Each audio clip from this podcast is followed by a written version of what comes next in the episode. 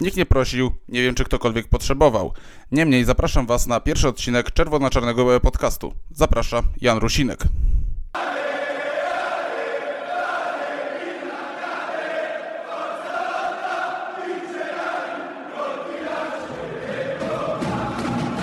Witam Was wszystkich bardzo serdecznie w pierwszym odcinku naszego nowego programu, e, który będzie się ukazywał cyklicznie na Spotify.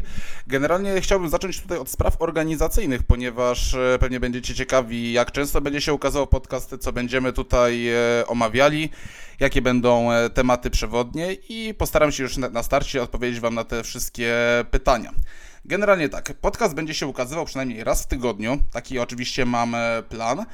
Wiadomo, że będą również europejskie puchary. Czasami się zdarzy, że trzeba będzie nagrać jakiś odcinek specjalny, więc e, raz, maksymalnie dwa razy w tygodniu będziecie, e, będziecie mieli możliwość e, posłuchania tego, co mam tutaj do powiedzenia na temat Milanu. Oczywiście, pierwsza drużyna będzie tutaj priorytetem, jeżeli chodzi o Rossonerich. Niemniej w planie będzie omawianie drużyny Primavery U19 w rozgrywkach Primavera Uno. Będziemy robili oczywiście takie fleszyki z, ze zmagań drużyny kobiet, y, Młodzieżowa Liga Mistrzów i wszystko co związane z klubem, z kibicami i wszystko, czego zapragniecie odnośnie Milanu. Oczywiście y, będziecie mogli również na Twitterze podrzucać mi tematy. Liczę oczywiście na y, fajną dyskusję z Waszej strony. A teraz zajmiemy się może tematyką pierwszego odcinka, bo uznałem, że, że takie sprawy organizacyjne to będzie y, część krótsza. A dzisiaj, y, wszystko to, co się działo w Milanie od y, początku czerwca, czyli wiadomo, że nasze serca były dosyć y, mocno wystawiane na próbę, ponieważ y, cały czas coś się działo, że od wielkiego smutku do euforii, potem znowu do smutku, fajne okienko transferowe, no i przyjrzymy się właśnie transferom, sylwetce nowych zawodników, nowych osób w gabinetach. Zapowiemy sobie meczyk z Bolonią, omówimy sobie również sparingi, jak nasza drużyna je rozgrywała w okresie przedsezonowym. Zatem zapraszam Was e, do odsłuchu i oczywiście dawajcie znać, e, czy Wam się podoba i dawajcie znać, jakie macie pomysły na odcinki tematyczne, bo takowe również będą się w tymże podcaście pojawiały, na przykład w trakcie przerwy reprezentacyjnej. Trzeba będzie na pewno się pochylić nad, nad sprawami dookoła klubu. Czy będę prowadził ten podcast sam? Tak, głównie będę tutaj działał solo, ale w planie mamy zapraszanie różnych ciekawych gości, żebyśmy powymieniali sobie opinie, jeżeliśmy się jako tako dogadali, żeby była jakaś polemika, czy też po prostu dużo większa piguła wiedzy dla Was wszystkich. Zatem zacznijmy.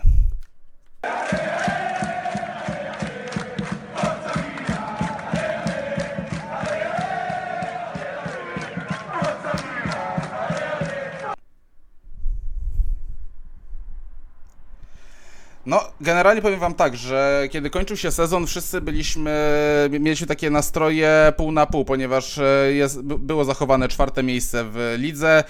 Było smutno po ostatnim meczu, kiedy Zlatan Ibrahimowicz ogłaszał e, koniec swojej bogatej piłkarskiej kariery, a już następnego dnia dostaliśmy e, pierwsze potężne cepy na głowę, mianowicie Jerry Cardinale, właściciel Milanu, e, właściciel funduszu Redbird, zwolnił Paolo Maldiniego, a wraz z odejściem Paolo Maldiniego rezygnację złożył Frederic Massara.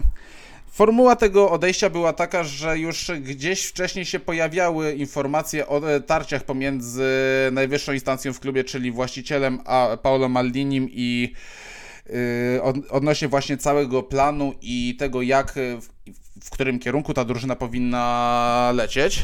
No i wszystkim się wydaje, znaczy mi też się wydaje, że formuła była bardzo nieelegancka. W zasadzie, no wiadomo, Paolo Maldini to, to jest Milan, ciężko znaleźć kogoś bardziej związanego z tym klubem, nazwisko bardziej kojarzone z AC Milan, ale musimy też sobie spojrzeć na to z drugiej strony, zważywszy, że musimy sobie przypomnieć zeszłoroczne okienko transferowe, więc cofnijmy się w czasie i przypomnijmy sobie wszystkie te ruchy.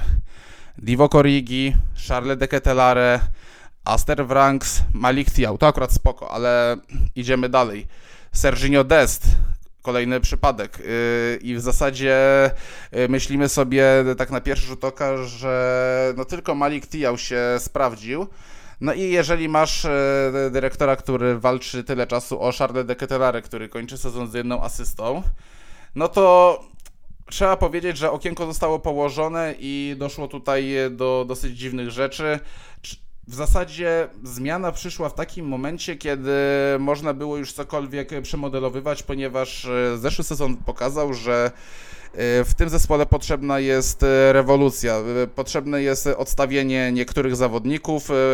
Trzeba było zejść z ich kontraktów, ponieważ niektórzy zarabiali zdecydowanie za dużo i ogólnie rzecz biorąc, e, jakoś sezon pokazał, że ta kadra nie jest tak jakościowa, jak się wszystkim wydaje, że można było po omacku wygrać mistrzostwo w 2022, ale nie wzmacniając zespołu, po prostu stoi się w miejscu, a jak się stoi w miejscu, to się cofa w rozwoju.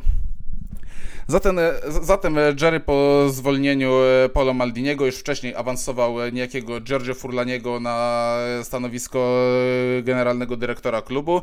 Giorgio Furlani już wcześniej pracował w Milanie, już w czasach funduszu Elliot. Był gościem, który zajmował się sprawami administracyjnymi, później zastąpił Ivana Gazidisa na jego stanowisku w momencie, kiedy południowy Afrykańczyk opuścił Milan. E, większe kompetencje dostały Joffre Moncada i tutaj na, na, nim trzeba się będzie dużo bardziej skupić, zważywszy na to, że jest to gość, który w Milanie robi e, pracę z zabiórka. Mało było jego zdjęć dotychczas, e, chyba że tylko to, co pojawiało się na LinkedInie.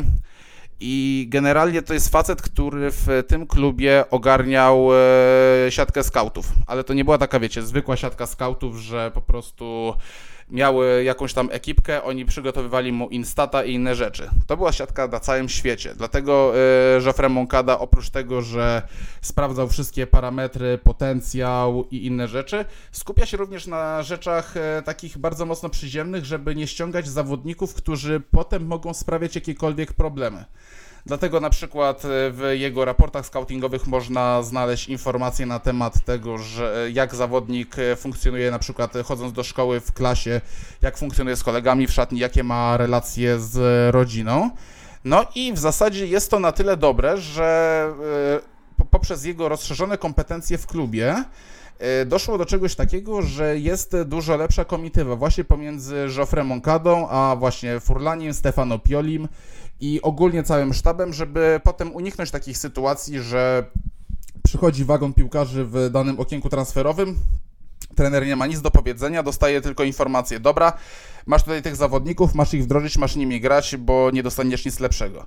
No i potem jest sytuacja, że ktoś tych zawodników sprowadza, trener nimi nie gra, dochodzi do tarć między zarządem, chociaż Podobno wszystko e, rozgrywało się na zasadzie bardzo takich kulturalnych rozmów między obydwoma panami. E, niemniej jednak e, Pioli musiał być sfrustrowany, zważywszy, że oczekiwał jednych zawodników, dostał innych. No i w zasadzie ciężko powiedzieć, jak układały się jego relacje z niektórymi, ponieważ po prostu nie, byli to, nie były to jego wybory. Obecnie ma on większą władzę, ponieważ każdy ruch jest konsultowany z nim. Czy ten zawodnik faktycznie jest mu potrzebny? A jak już przechodzimy, tak mówimy o zawodnikach, no to trzeba sobie powiedzieć e, coś o oknie transferowym, ponieważ tutaj e, doszło do małego trzęsienia ziemi, no małego. E, końcówka czerwca była dosyć mocno obfita w emocje i trzeba sobie jasno powiedzieć o niektórych przypadkach, co tak naprawdę zadziało się w klubie, jak wygląda sytuacja, jak e, na ten temat wypowiadały się e, włoskie media, bo to też jest dosyć e, istotne w kontekście tego, jaki przekaz szedł, jak mogło faktycznie wszystko wyglądać. No i cóż, okno transferowe było dosyć ciekawe, jeżeli chodzi o takie podstawowe rzeczy, o zmiany w klubie, o budżet transferowy.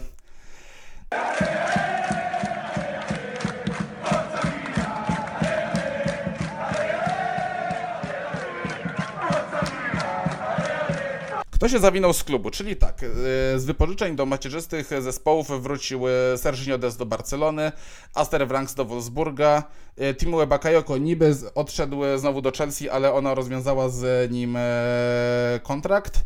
No i Brahim Diaz wrócił do Realu Madryt. Wiadomo, Ibrahimowicz zakończył karierę, skończył się kontrakt Cipriana Tataruszanu i czas na wypożyczenia a na wypożyczenia odeszli na przykład Daniel Maldini, który był w zeszłym sezonie w Specji i te, jego dwie bramki, jedna strzelona Milanowi, druga strzelona Interowi, tym razem idzie do Empoli. I jest to taki ruch na zasadzie, że to jest naprawdę dobra szkółka i Empoli uchodzi za wzór dla wszystkich średniaków, e, które grają w lidze włoskiej. Jak e, promować e, talenty i jak je szlifować. Więc tutaj jest taki papierek lakmusowy dla nas, na co faktycznie stać trzeciego z rodu Maldini w tymże klubie. Również wypożyczony został Davis Vasquez do Sheffield Wednesday, Matteo Gabbia do Villarrealu, Marco Nasti, y, który był zawodnikiem Primavery w sezonie 2021-2022, w zeszłym sezonie był wypożyczony do Kozency, teraz spełni, będzie pełnił te, taką samą rolę wypożyczonego zawodnika do SSC Bari, no czyli do potentanta, który otarł się o Serię A w ostatnich playoffach. E, również wypożyczono Charles de Ketelare e, do Atalanty i formuła jest taka, że został wypożyczony za 3 miliony euro z opcją wykupu przez e, Nero Blue za 22 i później 10% z kolejnego transferu, jeżeli odejdzie z Atalanty gdzieś dalej, 10% trafia do Milanu. Z transferu definitywnych e, Ante Rebic e, przeszedł na zasadzie wolnego transferu plus bonus za pewne e, rzeczy, czyli coś na zasadzie Castillejo do Walencji w zeszłym sezonie. Tym razem Rebić wybiera Besiktas. No i to jest taki ból dla kibica, bo wszyscy doskonale wiedzieli, że Rebić musiał odejść, że to już nie był ten sam gość, który przychodził do Milanu, e, odkupił się w meczu z Udinezem, miał fantastyczne półtorej sezonu. E, był wręcz e, jedną z najważniejszych postaci tego powrotu Milanu do Ligi Mistrzów. Zresztą pierwsza bramka w Lidze Mistrzów po powrocie to jest gol Anterebicia w meczu z Liverpoolem. E, na wypożyczenie z, obowiązkiem wykupu tym razem odszedł do Genoi e, Junior Messias. No ale taki e, chyba odejściem najbardziej bolesnym dla kibiców Rossoneri okazało się odejście Sandro Tonalego. Transfermarkt podaje, że była to kwota 64 milionów euro. E, bardzo głośna sprawa, zważywszy na to, że wszyscy pamiętają, jak bardzo Sandro Tonali cieszył się z przybycia do Milanu, jak obniżył swoją pensję, byle nie wracać do Bresci, kiedy wiele osób kwestionowało to, czy on faktycznie powinien w Milanie zostać po tym pierwszym sezonie, który, umówmy się, nie był e, wybitny. Tak jednak Newcastle United zaproponowało mu czterokrotną e, podwyżkę pensji, jeżeli oczywiście doliczymy bonusy. No i zaczęły się tutaj tarcia. I, I, nad tym transferem trzeba się będzie oczywiście bardziej pochylić, bo było bardzo dużo jadu w stronę zarządu. E, też nie byłem z tego powodu zachwycony. Czy kto byłby zachwycony, że zawodnik, który faktycznie chciał zawsze tutaj grać, e, nagle odchodzi z klubu, nagle okazuje się, że sprawa jest bardzo dobrze przyspieszona, zawodnik w ogóle nie protestuje, nic się nie dzieje i doszło do jakiegoś wariactwa. I dlaczego tak e, wyszło? Musicie e, mieć, wszyscy musimy mieć w zasadzie taką wiedzę dookoła, kto jest agentem Sandro Tonalego. A agentem Sandro Tonalego jest pan Giuseppe Rizzo. Tutaj przy, e, mogę wam odświeżyć pamięć i cofniemy się do 2019 roku, kiedy Milan walczył o transfer z Sassuolo Stefano Sensiego. I był to, e, była to dosyć głośna sprawa, ponieważ już Sensi dawał do zrozumienia, że to będzie naprawdę będzie kawałem zawodnika. No i pierwotnie miał trafić do Milanu i przez dłuższy czas naprawdę było przeciąganie, czy w jakiej formule. A nagle pan Rizzo dostaje telefon z Inter Headquarter i dostaje info, że oni mają taką i taką ofertę, tyle i tyle kasy, takie i takie bonusy. I wyobraźcie sobie, że ten gość potrafił z Casa Milan wyjść w trakcie negocjacji, pojechać do siedziby Interu i podpisać kontrakt z Interem. To jest e, taka e, osobowość i nie wiem jakie są e, zapisy w umowie między Sandro Tonalim a Giuseppe Rizzo, ale jeżeli wierząc najbardziej wiarygodnym źródłom w Anglii, czytaj The Athletic, pojawiała się informacja, że Sandro Tonali pierwotnie zaakceptował warunki Newcastle, a później zaczęły się negocjacje między klubami i jest to dosyć dziwne, zważywszy na całą historię, e, którą przekazywały media, które nie miały wjazdu do klubu typu La Repubblica, które wrzucały wręcz, że gdyby Tonali się nie zgodził na transfer, to by nie dostał podwyżki przez kilka lat. Że był wręcz wypychany z tego klubu i sytuacja zrobiła się na tyle już e, dziwna, że to wypychanie widzimy w tym momencie w przypadku Divoka Origiego, którego z klubu się po prostu chyba wypchać nie da. On nawet odmawia Arabii Saudyjskiej, odmawia podwyżką z Arabii Saudyjskiej. E, e, nie za bardzo mu się widzi odejście z klubu. No i klub ma związane ręce, więc e, wyrzucenie takiego zawodnika było problematyczne. No z Tonalim poszło dosyć e, szybko. A jeszcze ciekawe informacje do tego dołożył e, pan Alessandro Jacobone, to jest gość z Radia Rossonera, który już e, jest takim, może nie tyle, że Nestorem, bo Nestorem jest Carlo Pellegatti, ale Alessandro Jacobone przy ostatnim transferze Carlosa Augusto do Interu Mediolan podał info, że Augusto mógłby trafić do Milanu, gdyby pod młotek poszedł Teo Hernandez. Tylko, że Teo Hernandez, gdy dostał ofertę z innego klubu, nie było podane jakiego, odrzucił od razu, bo powiedział, że on ma żonę w Mediolanie, on ma tutaj dziecko, jemu się tutaj podoba i jego żonie nie jest w smak wyprowadzać się do innego kraju. Więc tutaj poszło solidne weto, no i Teo w Milanie został. Zresztą ja podejrzewam też, że po odejściu Maldiniego dużo piłkarzy dostało takie oferty i w zasadzie nie wiedzieli, w którą stronę się udać, jak to będzie wyglądało, bo oczywiście e, panika powstała w internecie po odejściu dyrektorów i mówiło się, że no to teraz już projekt leży, nie ma e, tego, nie ma tego gościa, który jest w stanie zapewnić Milanowi chęci przybycia innych zawodników. No jak się okazało, rzeczywistość troszeczkę nas wszystkich zweryfikowała. No widzieliśmy, Sandro Tonali w pierwszym e, występie w Newcastle United zagrał e, fantastycznie, chyba wszyscy będziemy życzyli mu e, wszystkiego dobrego w, na tej nowej drodze. Będzie gdzieś taka, znaczy u mnie osobiście będzie taka zadra, bo gdyby faktycznie został wypchnięty z klubu, no to byłaby zupełnie inna narracja, ale łącząc wszystko to, co mówili dziennikarze brytyjscy, to jak rzucili się na temat farmazoniarzy z Włoch, no to jednak e, może być e, sytuacja nie, nie taka, jak się nam wszystkim e, pierwotnie wydawało, no bo prawdopodobnie nie dowiemy się w najbliższych latach, jak sytuacja wyglądała, ale no cóż. Stało się, Milan dostał kasę i można było przebudowywać zespół.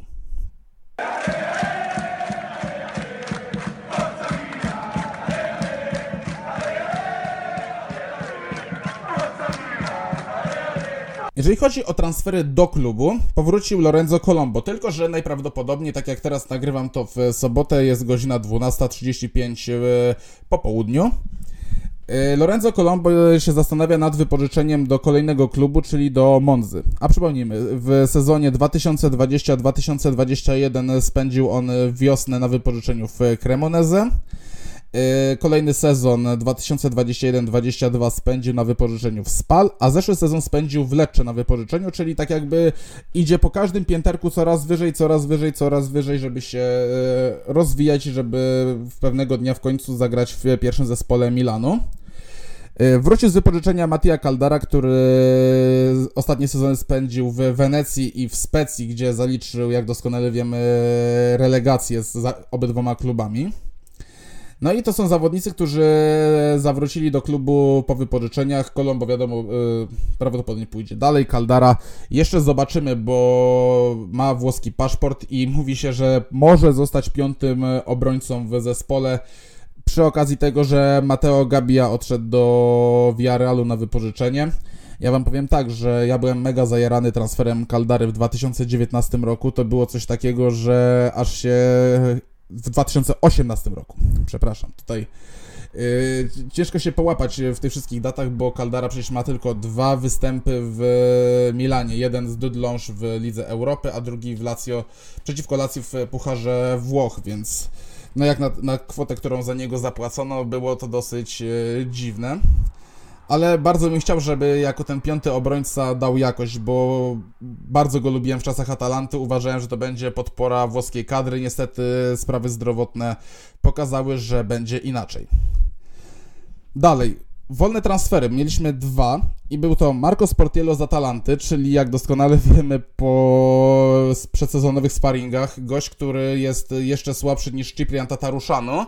No i podejrzewam, że nawet w Warcie Poznań nie, nie by były pierwszym bramkarzem, zważywszy na to, że jest to gość o, nie, o niezbyt wielkich umiejętnościach i Yy, módlmy się wszyscy o to, żeby łydka Majka Menią się już więcej nie odezwała, żeby ten gość był zdrowy do końca kariery i jeszcze kilka lat w przód. E, kolejnym wolnym transferem był Luca Romero sprowadzony z Lazio, e, autor bramki zdobytej przeciwko Realowi Madryt w amerykańskim turnem, ale o tym zaraz.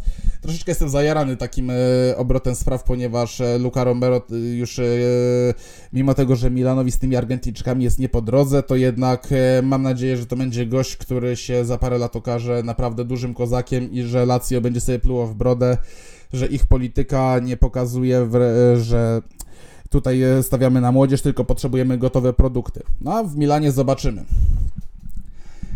Budżet na Mercato to było przewidziane 50 milionów. Wszyscy wiemy, że włoskie kluby są ugadane z UEFA, żeby nie było cyrków z FPP i mogą pokazywać stratę y, określoną, mimo tego, że Milan zarobił mnóstwo kasy z y, okazji półfinału Ligi Mistrzów.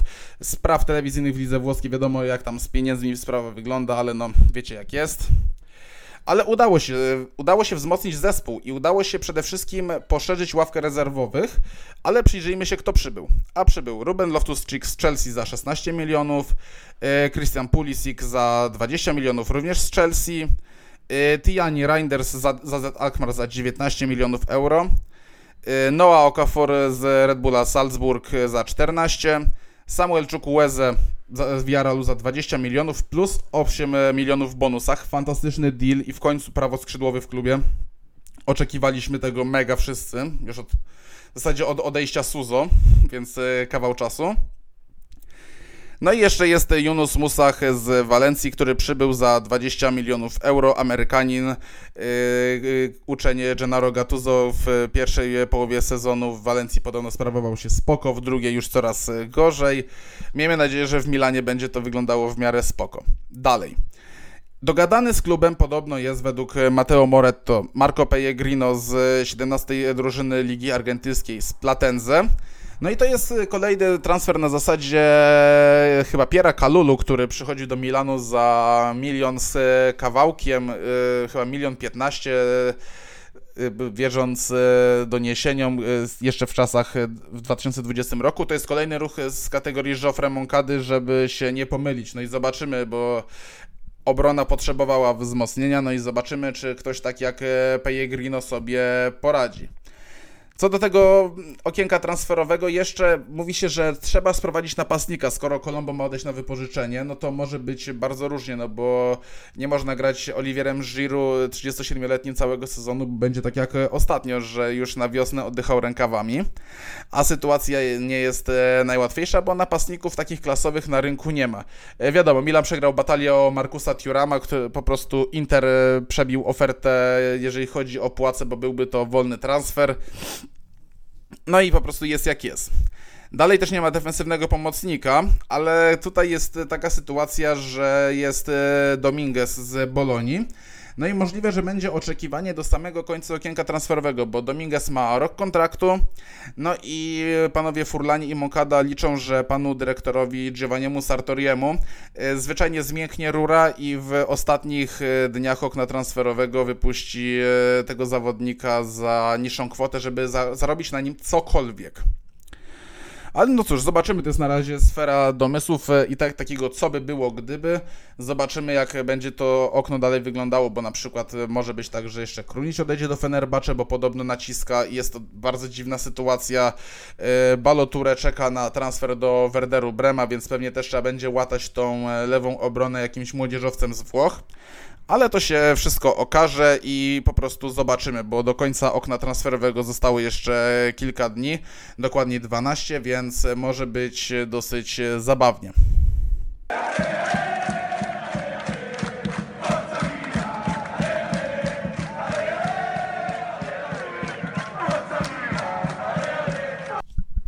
Po powrocie z wakacji Milan, e, oczywiście mając e, z tyłu głowy, że jest wyjazd do Stanów Zjednoczonych, e, wiedział, że będą rozgrywane również sparingi.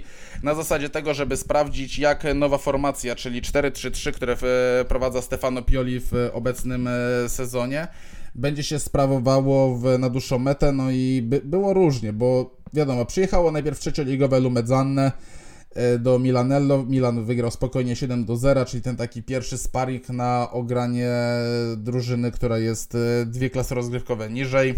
Dwa gole Tomaso Pabegi, dwa gole Lorenzo Colombo. gol już nieobecnego w klubie juniora Messiasa, Luki Romero i Zeroliego, czyli zawodnika z młodzieżówki.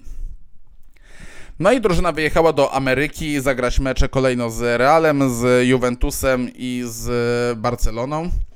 E, z Realem Madryt było 2 do 3, z czego Milan prowadził 2-0, ale no jak doskonale wiecie, z Realem gra się do końca, no i w drugiej połowie była autostrada, Real ten mecz wygrał. Y, ozdobą meczu oczywiście była wcześniej wspomniana bramka Luki Romero, który po prostu zrobił coś, y, czego zawodnikom Milanu często brakuje w y, tym sektorze, czyli decyzja przyjęcie i strzał. I to mi się będzie bardzo podoba, to mi się podobało już wtedy, ale fajnie by było, gdyby to było puszczane na, w dużo większej ilości meczów, zważywszy na fakt, że po prostu czasami po prostu trzeba uderzyć z dystansu, a w Milanie mam wrażenie, że zawodnicy bardzo mocno starają się wejść do bramki. Później były remis 2 y, do 2 z Juventusem i porażka w rzutach karnych, gdzie akurat Luka Romero się nie popisał, bo wystrzeli piłkę w trybuny, gdyż się poślizgnął. Ale bramki zdobywali Malik Tiał i Olivier Giroud. I co jest ciekawe, to były gole po stałych fragmentach gry, więc jest to dosyć e, fajne, zważywszy, że Milanowi z tych stałych fragmentów rzadko kiedy coś wpada, a od lat e, panuje ten żart, że kiedy Milan ma rzut rożny, to jest e, szansa na stratę bramki, bo się nadzieją na kontrę. Trzecim meczem była porażka 0 do 1 z Barceloną, no i ekipa wróciła do Mediolanu. Ale w Mediolanie y, meczu nie zagrali, ponieważ y, odbyła się pierwsza edycja Trofeo Silvio Berlusconi, czyli cyklicznego turnieju, który będzie się odbywał co roku, meczu towarzyskiego pomiędzy Monzą a Milanem.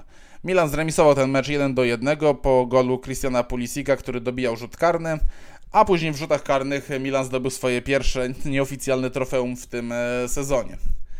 Później Falstart. Falstart, ponieważ jeżeli przegrywa się z trzecioligowym Trento 0 do 1, mecz nigdzie nie był transmitowany, a w zespole Trento gra niejaki Christian Pasquato, a sympatycy polskiej piłki mogą pamiętać, że ten gość był e, zawodnikiem Legii Warszawa i nie poradził sobie najlepiej e, do takiego stopnia, że zszedł na e, poziom amatorski w lidze włoskiej, no to jest to dosyć śmieszne, no i też ciężko sobie wyrobić opinię, ponieważ nikt tego nie widział, grało dużo rezerwowych, ale już był święty spokój e, w kolejnych meczach, ponieważ e, dwa ostatnie sparingi z Etoile Sahel z drużyną z Tunezji Milan wygrał 4 do 0.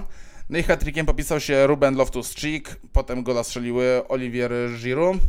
No i 4 do 2 z Nowarą, bramki. Chukwueze, Okafor, Davide Calabria. Słabszą nogą, co jest warte odnotowania.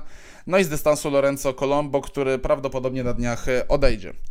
Wnioski są takie, że nowi zawodnicy e, coraz szybciej ad adaptują się do zespołu. Dalej boli brak tego defensywnego pomocnika, ale musimy mieć na uwadze, że Ismael Ben Nasser do pełnej sprawności w ogóle do gry wróci w styczniu bądź w lutym. Zależy jak e, poskładają go nasz super znakomity sztab medyczny. To też jest e, oczywiście nic, nic pewnego, ale liczymy na to, że Ben Nasser wróci w pełni zdrowy, bo na wiosnę będzie kluczową postacią jest po prostu najlepszym zawodnikiem linii pomocy i ciężko będzie kogokolwiek przekonać, że jest inaczej.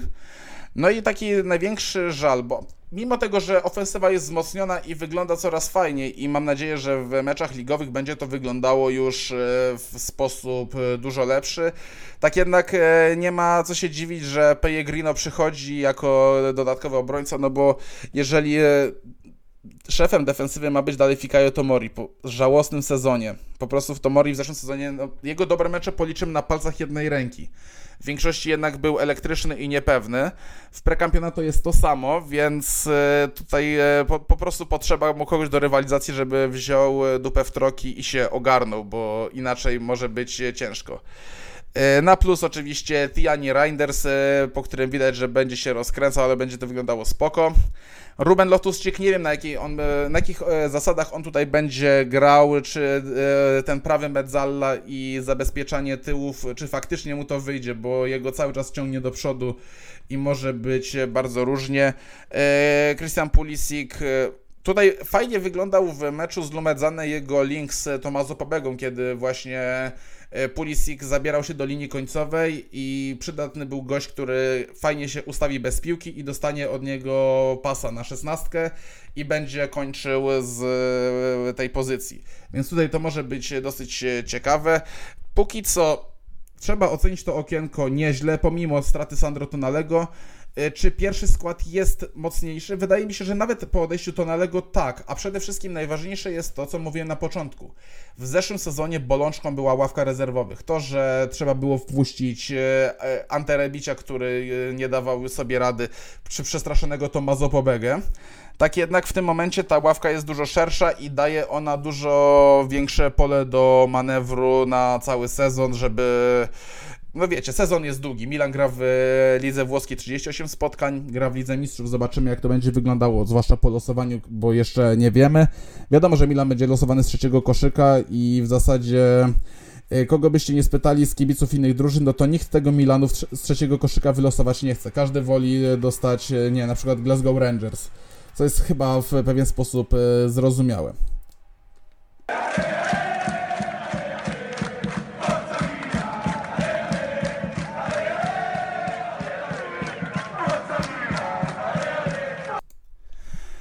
No i na sam koniec e, trzeba coś powiedzieć o starciu z e, najbliższym rywalem Milanu, czyli z e, maszyną Tiago Motti z Bolonii. Mecz rozgrywany na wyjeździe na stadio Renato Dallara. Przewidywanym składem jest to, że Milan zagra 4-3-3 i tak. Mike Menion, dalej jest walka między Pierem Kalulu a Davide Calabrią, ale raczej to rywalizację wygra Kalulu. E, Malik Tiał i Tomori jako obrońcy, lewa obrona Teo Hernandez, który jeżeli pod nieobecność Kalabri będzie kapitanem tej drużyny. W środku pomocy Loftus-Cheek, Radek Krunic i Tiani Reinders. No i z przodu e, Samuel Chukwueze, który na, na dniach wygrał rywalizację z Pulisikiem, Olivier Giroud i Rafael Leao. No i co jest e, tutaj ciekawe, bo jeżeli faktycznie Calabria nie zagra, no to wygląda to tak, że jeszcze nie wrócił do pełnych obciążeń i ma zaległości treningowe, pomimo tego, że grał z Nowarą. Może nie być gotowy na pełne 90 minut, no i dlatego wejdzie Kalulu. I to jest e, akurat spoko, ponieważ e, wiemy, że swoją najlepszą piłkę póki co grał jako środkowy obrońca w sezonie mistrzowskim, zwłaszcza na wiosnę, kiedy z Tomorim stworzyli mur, którego przejść się zwyczajnie nie dało. No i w zasadzie oni byli jednymi z głównych architektów e, tej znakomitej gry w defensywie, która ostatecznie przyniosła Milanowi splendor i 19 mistrzostwo kraju. Jeżeli chodzi o resztę ekipy, no to e, Okafor, Chukwueze, Musach, no to Chukwueze teraz wygrał tą rywalizację z Pulisikiem, więc spoko, zobaczymy, ale pewnie też nie będzie gotowy na 90 minut, bo oni przybyli do klubu później, a z racji tego, że przybyli później, mają zaległości treningowe do nadrobienia. Jesteśmy oczywiście wszyscy ciekawi, jak sobie poradzi Okafor, bo u niego aklimatyzacja idzie naprawdę spoko, no, bo jest przyjacielem Rafaela Leo i oni wiele razy się zaczepiali na Instagramie i Leo zapraszał go do klubu, no i panowie są e, teraz kolegami z ekipy. Co do Yunusa Musacha, to raczej jego aklimatyzacja też szybko pójdzie, zważywszy na to, że uwaga, mimo tego, że jest Amerykaninem, płynnie on posługuje się w języku włoskim, ponieważ we Włoszech mieszkał i również ma włoski paszport, więc to był e, duży plus przy jego rejestracji. Będzie to dosyć ciekawe. Słuchajcie, zapowiada się naprawdę fajnie ten sezon i tak jak wiele osób e, już wywieszało białą flagę oczywiście do połowy masztu po tym wszystkim, co się działo w czerwcu, tak powiem szczerze, że ciężko mi nie czuć ekscytacji przed poniedziałkowym spotkaniem z Bolonią, tak samo przed e, losowaniem Ligi Mistrzów. E, to okno transferowe pokazało, że Milan jeszcze żyje, że dalej ma szansę do walki nawet o mistrzowski tytuł. Nie bójmy się tego mówić, bo e, ta kadra jest wzmocniona na tyle, że jeżeli to zażre i będą regularnie punktowali, no to kto wie, może w końcu uda się tą drugą gwiazdkę nad herb umieścić. No i w zasadzie to by było na tyle. Tak jak wspominałem na początku, dajcie znać, e, co sądzicie o tym formacie. Piszcie, jakie możemy zrobić e, tematy dookoła klubu, co byście może chcieli wiedzieć. Może macie jakieś pomysły, jakich e, zaprosić gości. Bo może być tak, że uda się kogoś z Włoch zaprosić, jeżeli ktoś by będzie chciał, jeżeli będziemy robili kilka odcinków. Będzie tutaj fajna regularność. Ja czekam na Wasze opinie na Twitterze. Fajnie by było, jakbyśmy się wymieniali naszymi e, spostrzeżeniami odnośnie gry Milanu, odnośnie nowych e, zawodników, żeby to wszystko miało ręce i nogi. E, Ja się z Wami na ten moment żegnam. Dziękuję Wam bardzo serdecznie, że wytrzymaliście ze mną do samego końca pierwszy odcinek czerwo- czerwono-czarnego podcastu. No i cóż, przyszły odcinek będzie po meczu z Bolonią. Zapowiemy sobie meczyk z Torino. E, Postaram się go zrobić e, stosunkowo szybko, ponieważ e, od czwartku do niedzieli przyszłego tygodnia odbywa się zlot Milan Club Polonia, na który się wybieram, gdzie oczywiście obejrzymy mecz z Torino, a wcześniej inaugurację Primavery, mecz Milan-Monza, więc to też będzie jeden z tematów, ale podcastu numer 3. Więc ja się z Wami żegnam, trzymajcie się i wyczekujcie z niecierpliwością kolejnych odcinków mojego podcastu. Trzymajcie się, ciao!